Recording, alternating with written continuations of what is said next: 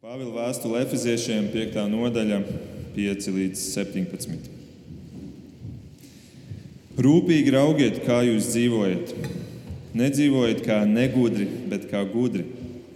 Izmantojiet šo laiku, jo šīs dienas ir ļaunas.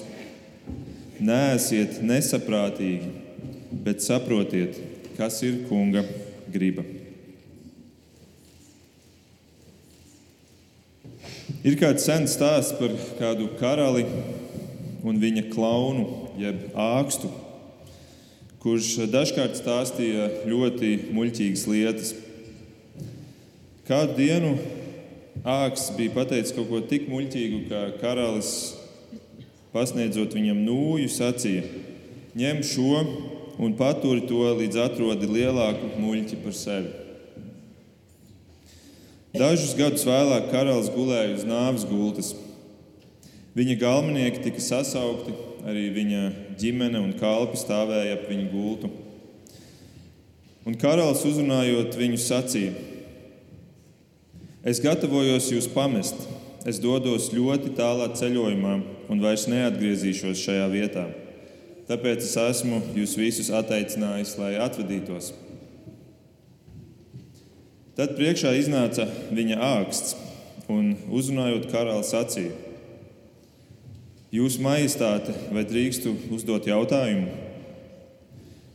Kad esat ceļojis uz ārzemēm, apmeklējot savus cilvēkus vai ierodoties diplomātiskās vizītēs, jūsu vēstneši un kalpi vienmēr ir gājuši jums pa priekšu, sagatavojot jūsu ierašanos.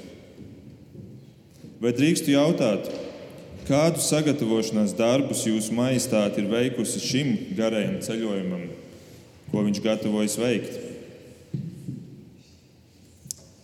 Ak, diemžēl, ķēniņš atbildēja, šim neesmu gatavojies. Tad nu sacīja āksts: ņemiet līdzi šo nūju, jo tagad es esmu atradzis lielāku muļķi par sevi. Es nezinu, protams, cik eh, šis stāsts ir balstīts uz patiesiem notikumiem. Bet es zinu droši, ka šī stāsta morāla ir sakņota, dziļi sakņota patiesībā. Tas ir stāsts par cilvēkiem, gan sendienu, gan mūsdienu, kuri pieliek lielas pūles, lai šīs dzīves gaitas būtu labi izplānotas, sagatavotas un, eh, un, eh, ļoti kvalitatīvi izpildītas. Vienlaik, vienlaikus atstājot novārtā to vienu gaitu, kas ir tas tālais ceļojums uz mūžību. Muļķi, tāda ir šī stāsta morāla. Muļķi. Un, ziniet, tieši to pašu patiesībā saka arī Bībele. Bībele ļoti daudz runā par muļķiem. Mēs jau dievkalpojumu ievadā lasījām no 14. psalma, un uh, tur atgādināšu bija šādi vārdi. Nelga, jeb mēs varam teikt, muļķis, saka savā sirdī, Dieva nav. Tie sagrauj un sagāna visu, ko ņem, nav neviena, kas darītu labu. Kungs no debesīm raugās uz cilvēku dēliem, vai ir kāds prātīgs, kas meklētu Dievu? Un arī Jēzus, tad, kad viņš ir ieradies uz šo pasauli un ir uzkāpis kalnā un savu svētkrunu, savu kalnu svētkrunu slaveno, gandrīz jau nobeidzis, tad viņš beigās saka, Mateja 7,26. Ik viens, kas šos manus vārdus dzird un nedara, ir līdzināms nejēgam, jeb muļķim, kas savu namu ir būvējis uz smiltīm. Kad lietus nāca un traumas plūda un vēji pūta un triecās pret šo namu, tas sabruka un posts bija liels. Redzēt, šeit bilde ir līdzīga. Iespējams, šis nams bija labi plānots, skaists. Tam bija ieguldīts laiks, lai viņu uzbūvētu. Viņš bija skaisti noformēts, izdekorēts, skaista fasāde. Bet nebija ieguldīts laiks tajā, kas nav redzams, tajā neredzamajā daļā, tajos pamatos. Jo Jēzus saka, ka šis nams tika būvēts uz smiltīm, uz plikām smiltīm. Un tad, kad nāk vētra, kas arī ir Dieva tiesas diena, kas ir šis ceļojums garais uz mūžību, tad atskan spriedums par šo cilvēku nejēga, muļķis. Un tā mēs, kā kristieši, domājam, nu jā, mēs piekrītam, ne? Tie cilvēki, kur nedomā par Dievu, tie ir tie, tie, kā Bībele saka, nejēgas, muļķi.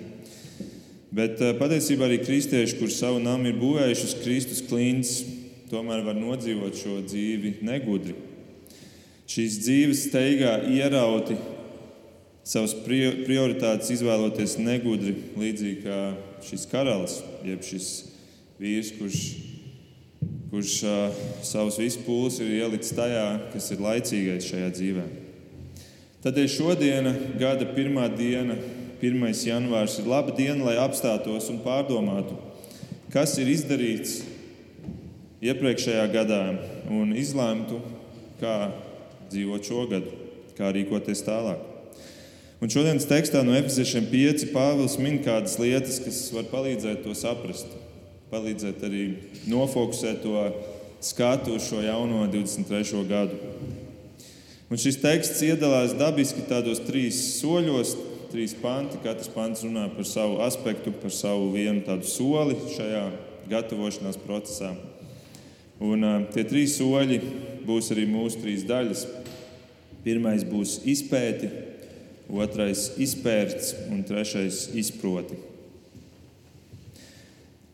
Izpēte 15. pantā ir teikts tā: Rūpīgi raugiet, kā jūs dzīvojat. Nedzīvojiet kā negudri, bet kā gudri. Tātad Pāvils saka, izpēti savu dzīvi. Tas vārds rūpīgi, kas šeit ir lietots, ir grieķu valodā vārds akribos. Un, tas ir tas pats vārds, no kura ir cēlies vārds akrībiski. Um, rūpīgi, detalizēti. Tas pats vārds ir izmantots arī vēl kādās vietās. Es jums vēlos nolasīt eh, no Mateja 2. Tur ir runa par mūsu Ziemassvētku notikumu, kas arī tikko jau ir nosvinēts. Un tur ir tā rakstīts. Tad Herods slepeni atteicinājis gudros, rūpīgi tos iztaujāja par zvaigznes parādīšanās laiku. Un viņš sūtīja tos uz Betlēmi un sacīja: Ejiet un visu iztaujājiet par šo bērnu. Ejiet un visu iztaujājiet par šo, izjautājiet par šo bērnu. Tātad akrībiski, rūpīgi visu izjautā. Vai arī Lūkas evanģēlīja pats sākums, kur šī evanģēlīja autors mazliet pastāsta, kā viņš ir gatavojis šo evanģēlīju, ar kādu attieksmi. Viņš tur raksta tā: Lūkas 1, 1 līdz 4. Kad jau daudz ir sākuši apkopot stāstus par notikumiem, kas norisinājušies mūsu vidū, tad visu no paša sākuma ļoti rūpīgi izpētījis. Arī es atzinu par vajadzīgu tev, cienījamo teofilu, secīgi to izklāstīt, lai tu pārliecinātos, ka vārdi, kas tev mācīti, ir droši. Redziet, kāda attieksme gan kādu, kāda attieksme Herods pieiet šim jautājumam par šo bērnu, kurš ir piedzimis, kurš, kurš draud apdraudēt viņam viņa ķēniņa statusu. Vai kā Lūkas šeit, gatavojot savu evaņģēliju, ļoti rūpīgi izpētījis. Un tādu pašu attieksmi Pāvils šeit prasa no mums. Tas pats vārds ir lietots šeit. Viņš saka, rūpīgi raugiet, kā jūs dzīvojat. Un eh, šis ir pirmais brīdis, kur mēs varam pagriezt to, to skatu uz sevi un, un uzdot šo jautājumu, vai mēs tā darām.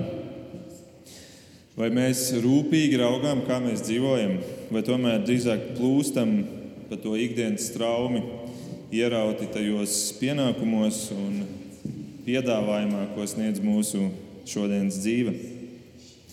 Jaunā gada sākums ir labs brīdis, kurā atkal mēs varam safokusēt šo savu uzmanību un nospraust mērķi. Es vēlos šo gadu rūpīgi dzīvot.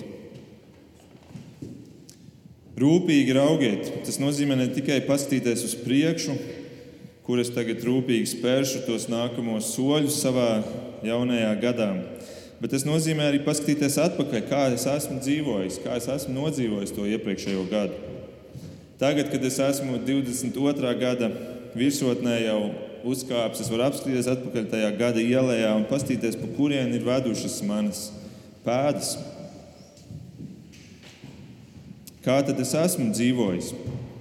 Mēs varam vairākus aspektus paskatīties, piemēram, finansiāli, kur es esmu tērējis savu naudu, cik liederīgi tā ir aizgājusi, cik mēs varam šodien atzīt, tā ir bijusi izmesta nauda.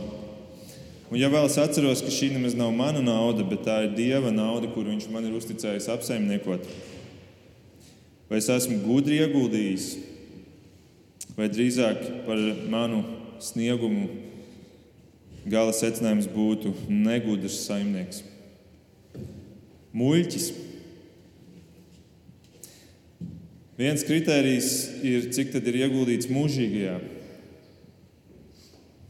Jo, protams, ir tas izaicinājums, tas kārdinājums, ne, naudu ieguldīt tajā, kas ir šeit un tagad.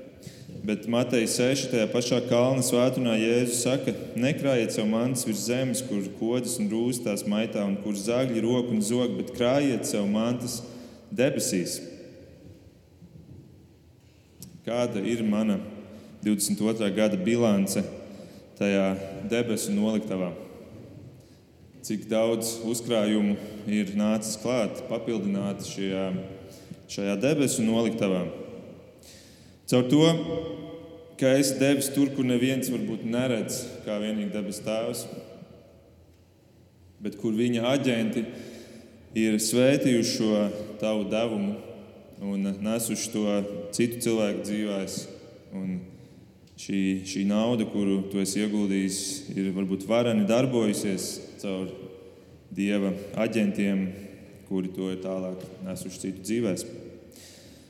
Cik es esmu bijis uzticams no dieva naudas, piešķirot arī to daļu Kristus līgavai draudzēji, kuru Dievs ir paredzējis sava dēla sievai. Mēs to varam saukt par desmito tiesu vai to daļu, ar kuru mēs kalpojam draudzēji. Tātad, kāds ir bijis tev 22. gads? Rūpīgi raugiet, kā jūs dzīvojat. Kas vēl bez finansēm, ko vēl varētu uzskaitīt? Daudz ko, bet vēl viena lieta būtu, piemēram, lūkšana dzīve. Kā tu nosauktu cilvēku, kurš zina, kur ir pieejami neizsmeļami resursi savu ikdienas dzīves izaicinājumu risināšanai, bet kurš tomēr izvēlas pats darīt pēc savu prātu. Neizmantot šos resursus, bet lietot tikai to, ko viņš pats savā prātā ir sapratis. Vai jūs šādu cilvēku saucat par gudro vai par muļķi? Paklausieties, kā Bībele šādu cilvēku nosauc. Sakām vārdos 28 teikts, kas uzticas savam prātam, tas muļķis, bet kas staigā gudrībā, tas paglāpsies.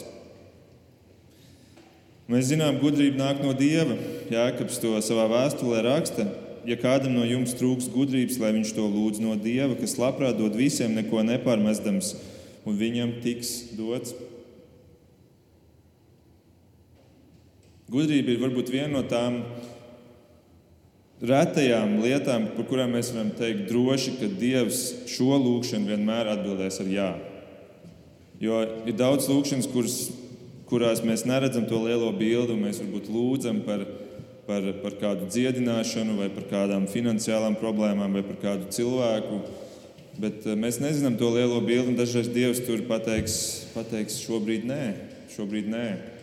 Ir labāk, ja šobrīd tas nenotiek, ko tu lūdz, bet gudrība ir tā lieta, kuru Dievs vienmēr cilvēkam ir gatavs dot. Šeit ir teikts, viņš viņam, tas viņam tiks dots. Tāpēc, ja tu vēlēsies dzīvot gudri, lūdz Dievu. Lūdz Dievu. Nē, esi muļķis, kurš domā, ka pats var tikt galā. Lūdz Dievu. 23. gads var būt ļoti labs gads tev. Ļoti labs gads, ja tu lūgsi Dievu. Ja ikdienas steigi neļauj to atrast dabiski, tad, tad dari to ar piespiešanos.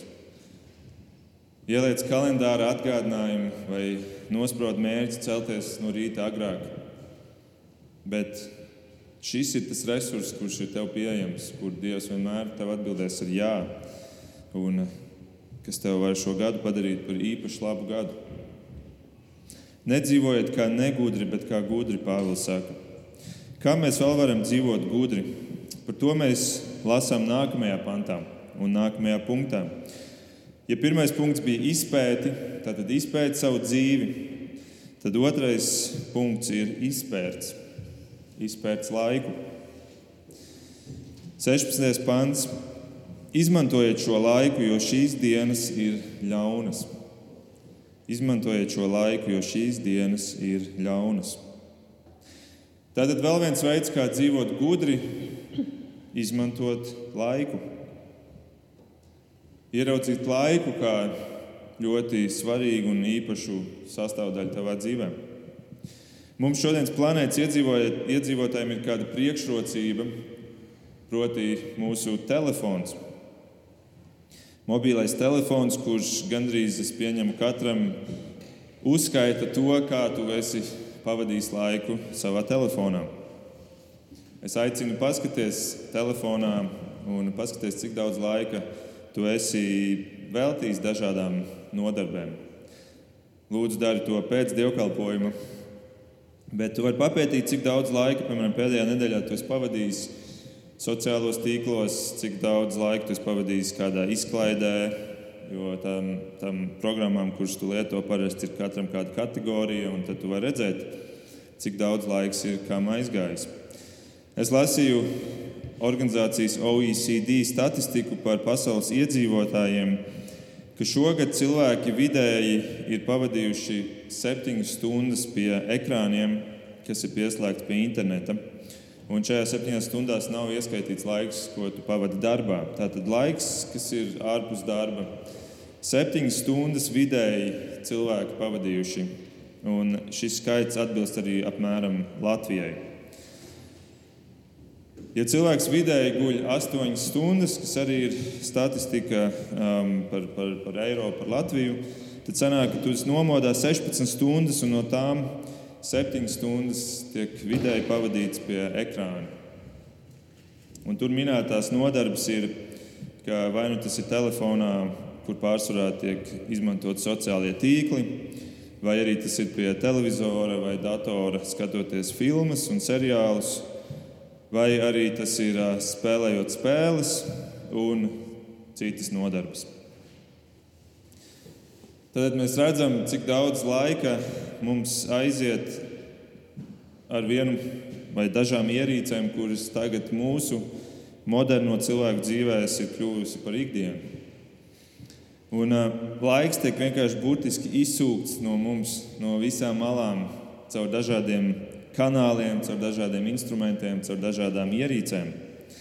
Mēs varam teikt, ka laika zagļi mums visapkārt ir, un ar šo mēs cīnāmies daudz vairāk nekā varbūt paudzes divas atpakaļ. Es vēl šonadēļ biju apciemojis savu sievas vecstāvu, kuram ir pārpa 90 gadi.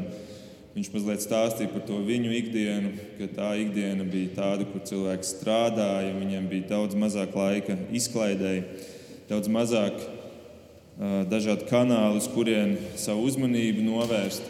Un tie ir tikai 60, 70 gadi atpakaļ. Šodien mēs dzīvojam laikmetā, kurā mums laika zagļi ir visapkārt. Un tāpēc, vai jūs atceraties, kāds bija mana otrā punkta nosaukums?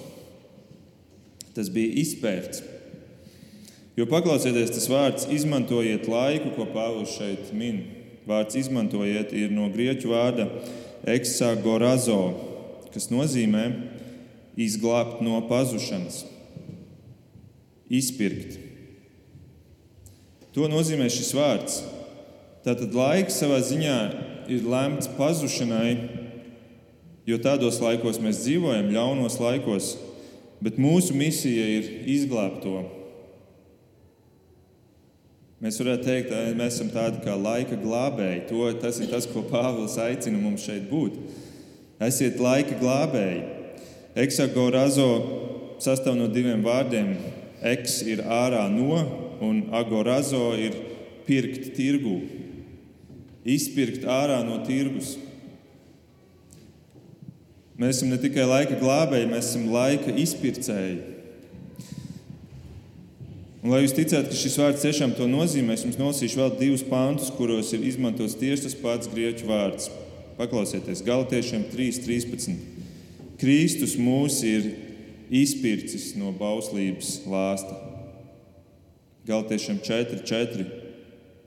Dievs sūtīja savu dēlu, kas piedzima no sievietes, piedzima pakļauts bauslībai, lai izpirktu tos, kas pakļauti bauslībai.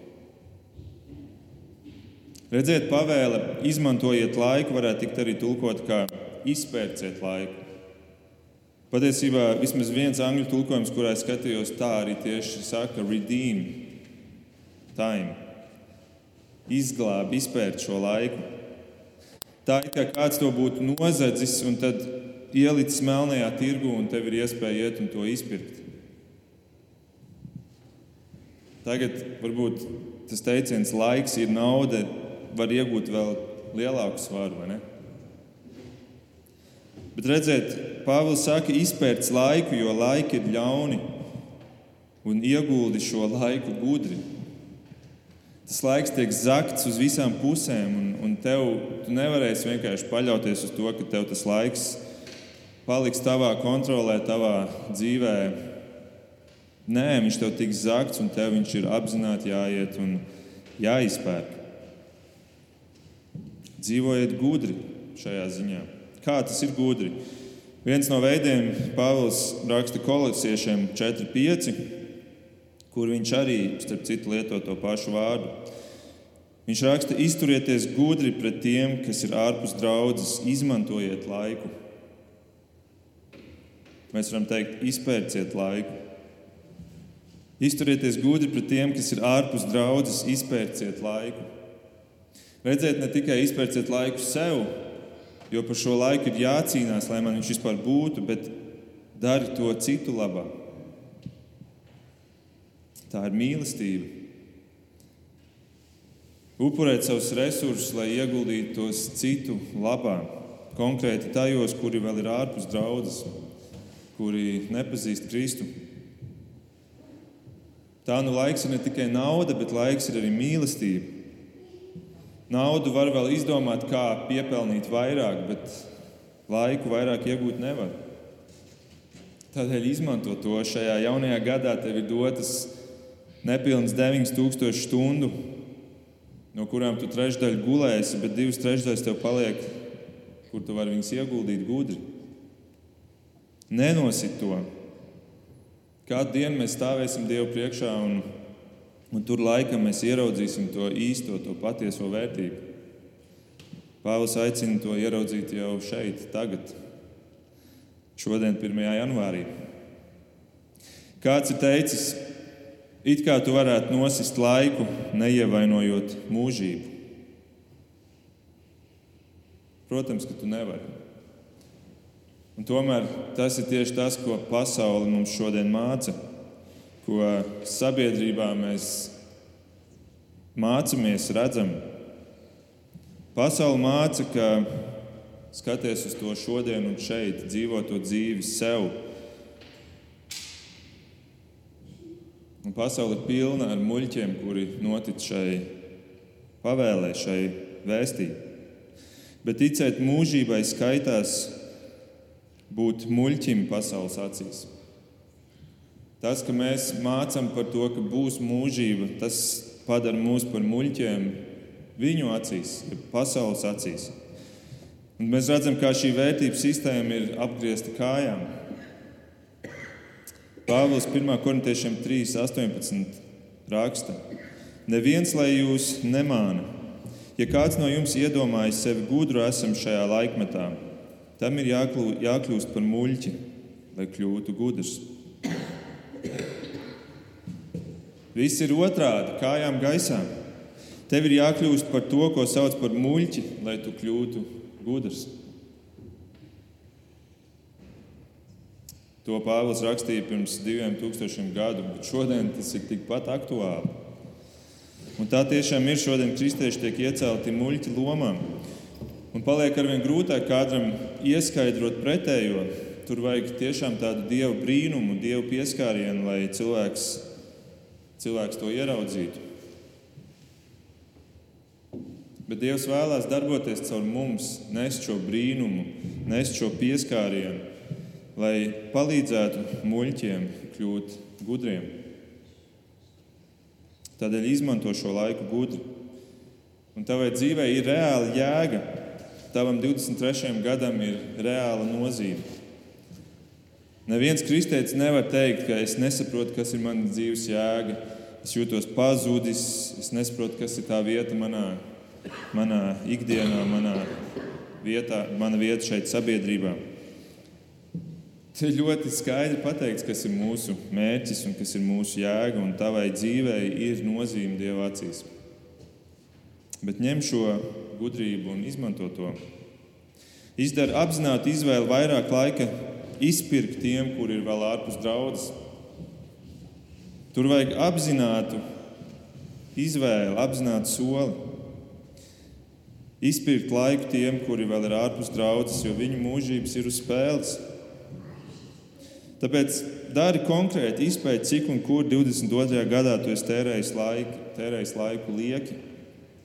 Kur ir aizgājušas tās stundas, kuru dēļ tu neesi varējis izpildīt to, ko varbūt tu jau zini, ka man to vajadzētu darīt. Tu zini, ka tas ir svarīgs uzdevums manā dzīvē, bet man nav bijis laika.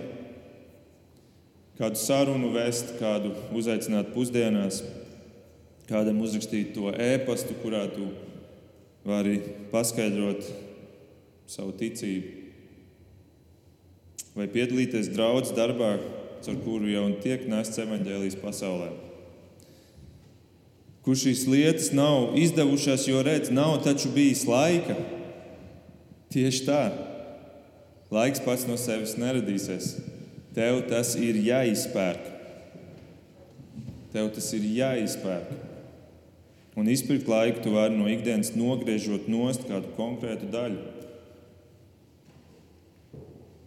Līdzīgi kā tu maksā varbūt desmito tiesu no pirmā, ko tu saņem, uzticoties Dievam, ka Viņš pagādās par tevi, par to pārējo, lai tev pietiek visam atlikušajam. Tāpat arī tu vari laikam nogriezt nost tos, to pirmo daļu, tos, tos, tos kaut vai desmit procentus un tos ieplānot Dievam, Dieva darbam. Dari to. Tātad pirmais bija izpētīt savu dzīvi, otrais - izpētīt laiku, un trešais punkts ir izproti. Izproti Dieva gribu. 17. pantā Pāvils noslēdz: Nēsiet nesaprātīgi, bet saprotiet, kas ir kunga griba. Mēs dzīvojam laikā, kurā bieži vien, diemžēl, arī kristieši mēdz teikt, Dieva gribu jau nevar saprast. Dieva gribu jau nevar izprast. Bet redziet, Pāvils, Dieva inspirēts, mums šo pavēlu dod, acīm redzot, tādēļ, ka mēs varam saprast Dieva gribu. Citādi būtu liekulīgi no Dieva puses prasīt to, ko nemaz nevar izpildīt mēs varam saprast Dieva gribu. Tas vārds saprotiet, atkal grieķu vārds nozīmē salikt kopā. Saprast nozīmē salikt kopā, kā tādu puzli, kurā tu saliec kopā faktus vienu pie otra, un tev izveidojas tā lielā bilde, kas ir tā dieva griba. Bet mums ir jābūt gataviem šos gabalus likt kopā, salikt kopā, viņus ņemt, viņus meklēt, grozīt tā, lai viņi sadar kopā. Vai mēs neslinkojam šajā ziņā pārāk bieži? Varbūt mums liekas, ka mēs gribam visu uzreiz, mēs gribam ātri saprast, mēs gribam kādas lielas zīmes no Dieva saņemt, lai mēs zinām, ka tā ir tiešām Viņa griba mūsu dzīvē. Bet saprotiet, Dieva gribu. Tas vārds saprotiet, ir saliec kopā. Dieva griba būs atrodama detaļās. Mums patīk teikt, ja tā, ir tāds teiciens, vēlams slēpjas detaļās. Arī dieva grība ir atrodama dieva vārda detaļās. Bet šodienas laikmets tev aicina neiedziļināties, skrien un vadies pēc sajūtām. Un, un, vispār tāpat jau tā nevar neko saprast, katram ir sava patiesība. Ne? Bet ne ar šādu pieeju būs ļoti grūti saprast dievu gribu. Es domāju, ka tāpēc arī Daudzi maldās un, un uh, ir atmetuši ar roku Bībeles lasīšanai, jo tāpat jau tur nevar saprast līdz galam, un tāpat jau tur strīdās teologi par šiem jautājumiem. Bet neklausies tik daudz cilvēkos, klausies tajā, ko Dievs pats saka par savu vārdu, par savu gribu. Un viņš aicina saprast to, izprast to. Romiešiem 12.2. Mēs nesen studējām šajā gadā, pagājušajā, nu jau pagājušajā gadā. Pāvils tur raksta romiešiem, netopiet šim laikam līdzīgi. Kādā ziņā? Arī tādā ziņā, kādā mēs šobrīd runājam. Netopiet šim laikam līdzīgi, bet pārvērtieties, atjaunodamies savā prātā, lai jūs varētu izprast, kas ir Dieva griba. To, kas ir labs, tīkams un pilnīgs. Redziet, ko Pāvils šeit saka. Viņš saka, ir jāpārveido prāts, ir jāpārveido domāšana, ir jāpārveido pieeja, lai tu varētu saprast Dieva gribu. Netopiet šim laikam līdzīgi. Šis laiks tev māca pretējo. Viņš tev māca, ka to gribu nevar saprast. Tā griba ir tik plaša un tik uh, miglaina, ka vairāk vadies pēc savām individuālajām sajūtām. Bet nē, ir jāstrādā ar prātu, ir jāpārveido prāts, lai tu varētu izprast to, kas ir Dieva griba. Un viņš to raksta jau nākamajai draudzēji. To var saprast. Dieva gribu var izprast. Un patiesībā Pāvils jau šeit arī mazliet ieskicēja, kāda tad izskatās tā Dieva griba. Kur tu vispār vari meklēt Dieva gribu? Viņš saka, tajā, kas ir labs, tīkams un pilnīgs. Pavisam īsi par katru no šīm lietām. Labs, vārds labs ir izmantots šeit, vārds, no kura cēlēs ir vārds agate, kas ir um, pats augstākais labums. Pats augstākais labums, kas ir tāds labums, kas ir nevis cilvēka radīts, bet kas nāk no dieva. Pēc dieva kvalitātes standartiem labs. Un šādu labumu pasaulē tu neatradīsi. Pasaule nepiedāvā savu šādu labumu, jo pasaules labums ir pēc viņas standartiem. Un mēs jau zinām, pasaule jau sen par labu sauc to, kas dieva acīs nav labs. Pasaule ir pārdefinējusi mīlestību, likumu, gudrību un tā tālāk. Un eh, tevi tā burtiski piesūcina ar šo savu informāciju, ar saviem šiem standartiem par to, kas ir, kas ir labs pasaules acīs. Un gribot vai negribot, uzņem šo informāciju caur ziņām, caur filmām, caur grāmatām, caur cilvēku viedokļiem, kur tev cilvēks stāsta par savu pieredzi. Un viss šī informācija tev, tev ir apkārt ikdienā, kā tādā mākonī. Bet Dieva griba ir tas, kas ir pēc viņa standartiem labs, kas ir pa īstam labs. Un, lai tu to saprastu, tev ir jāklausās Dieva vārdā. Tev ir jāklausās Dieva vārdā, viņa viedoklī par to, kas ir labs. Un tas vienīgais avots jau kopš pasaules sākuma ir Dieva vārds, kas, kas par to liecina. Nekur citur mēs pasaulē neatradīsim šo Un tādēļ pasaulē ir tik daudz apmuļķoto, tik daudz muļķu, tāpēc ka viņi operē ar to informāciju, kas viņiem ir pieejama no pasaules pēc viņas standartiem. Un tādēļ izproti, tu kā kristietis, izproti dieva gribu, lai tava dzīve būtu gudriem lēmumiem pilna. 1. janvārs ir vislabākā gada diena, lai uzsāktu Bībeles lasīšanas plānu kur tu atkal atvēl laiku, lai tu apzināti ņemtu informāciju, kur Dievs tev vēlās dot par to, kas ir labs, kur tu šo labuma kritēriju, šo latiņu atkal uzcēl uz augšu, jo pasaule tev vilks uz leju. Un tu atkal paņem laiku dienā, kurā tu viņu atkal uzcēl uz augšu, un tu viņu turi tajā līmenī, kādā Dievs viņu redz. Pāvils saka, ne tikai tas, kas ir labs, bet arī tas, kas ir tīkams. Viss, kas ir tīkams, tas ir Dieva griba. Ko nozīmē tīkams? Tas nozīmē dievam patīkams, dievu iepriecinošs. Piemēram, kad Jēzus tika kristīts, tad Dievs kaut ko svarīgu pateica par to visu ainu, kas tur notika. Mateja 3, 17. Redzi, balss no debesīm sacīja: Šis ir mans mīļotais dēls, uz ko man ir labs prāts. Dieva griba ir viss, kas ir tīkams viņam. Tas, par ko viņš var teikt, uz to man ir labs prāts. Uz tevi man ir labs prāts. Meklē to, kas iepriecina Dievu, un tu būsi gudrs. Un uh, trešā lieta, ko Pāvils šeit vēl piemin par to, kas ir Dieva griba, ir viss tās, kas ir pilnīgs. Labs, tīkams un pilnīgs. Un, uh, patiesībā pats Jēzus to prasa no mums. Ne tikai Pāvils, bet arī Jēzus Kalnu svētdienā. Viņš saka, tad nu topiet pilnīgi, kā jūsu debesu Tēvs ir pilnīgs. Izklausās pēc tāda skaista, laba panta, bet patiesībā tas ir viens no baisākajiem teikumiem visā Bībelē, kur Dievs prasa no tevis būt pilnīgam, kur Dievs prasa tevi salīdzināt ar pašu Dievu. Viņš ir pilnīgs, tāpēc es arī tu pilnīgs. Tas ir viens no baisākajiem teikumiem Bībelē, tāpēc ka ir skaidrs, ka nav iespējams to aizsniegt.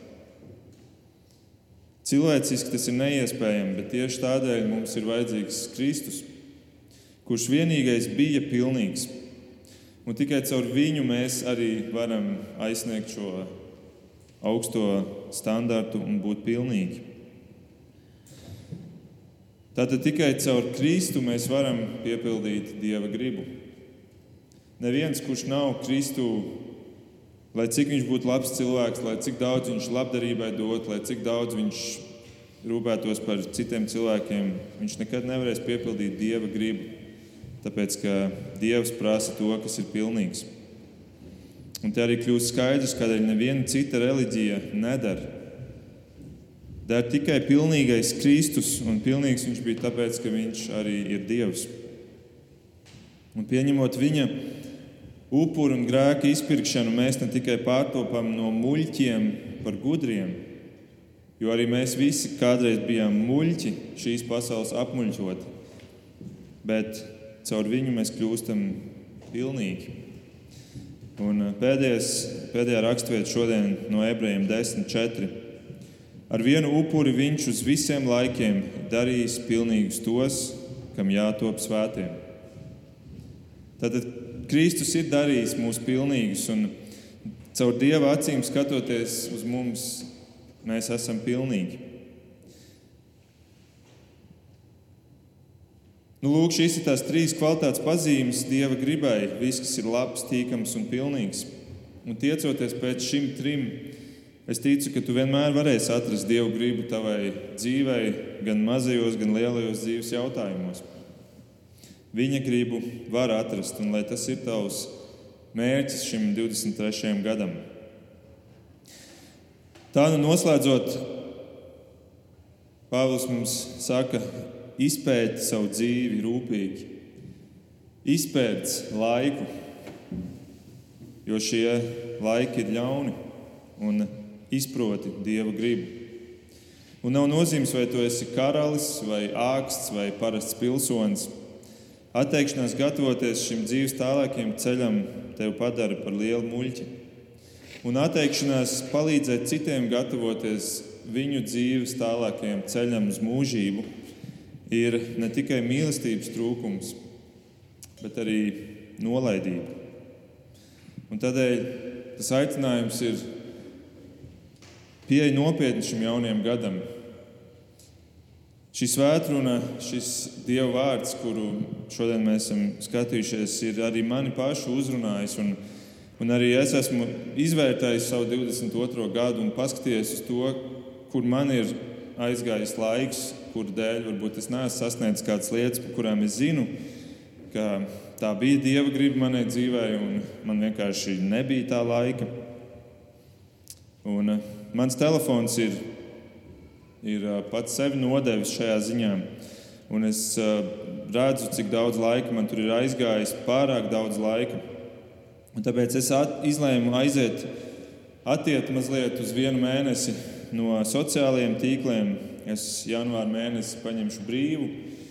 Un, um, es vēlos paņemt pauzi, lai šo gadu varētu uzsākt ar tādu fokusētu skatu, ar tādu pilnu fokusu uz to, kas ir uh, Dieva griba manai dzīvēm.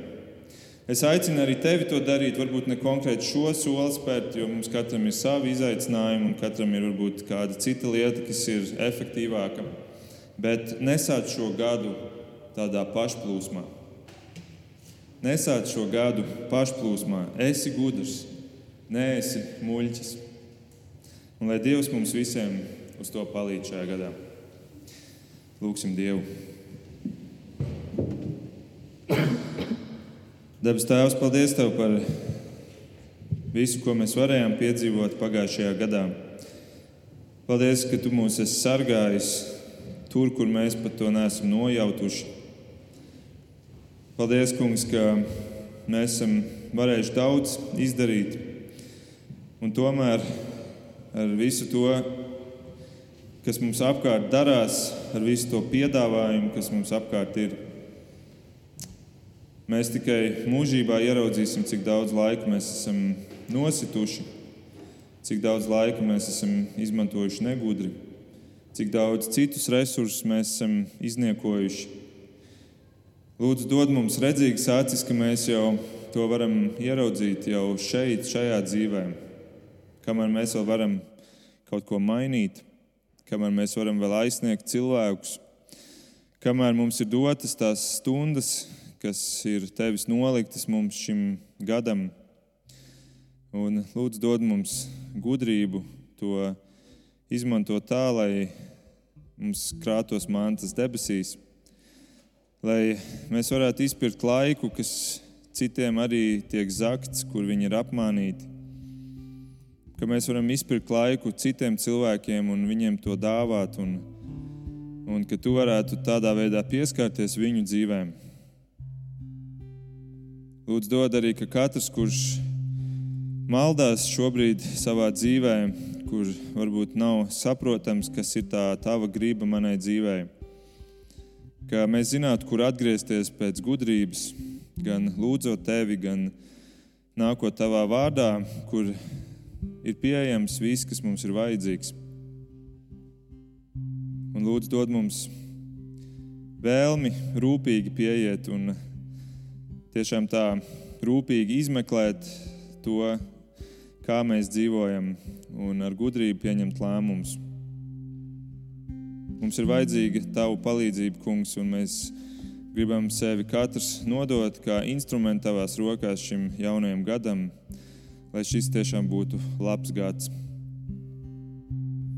To lūdzu es, un to lūdzam mēs, kā draudzene, Tev Jēzus Kristus vārdā. Amen.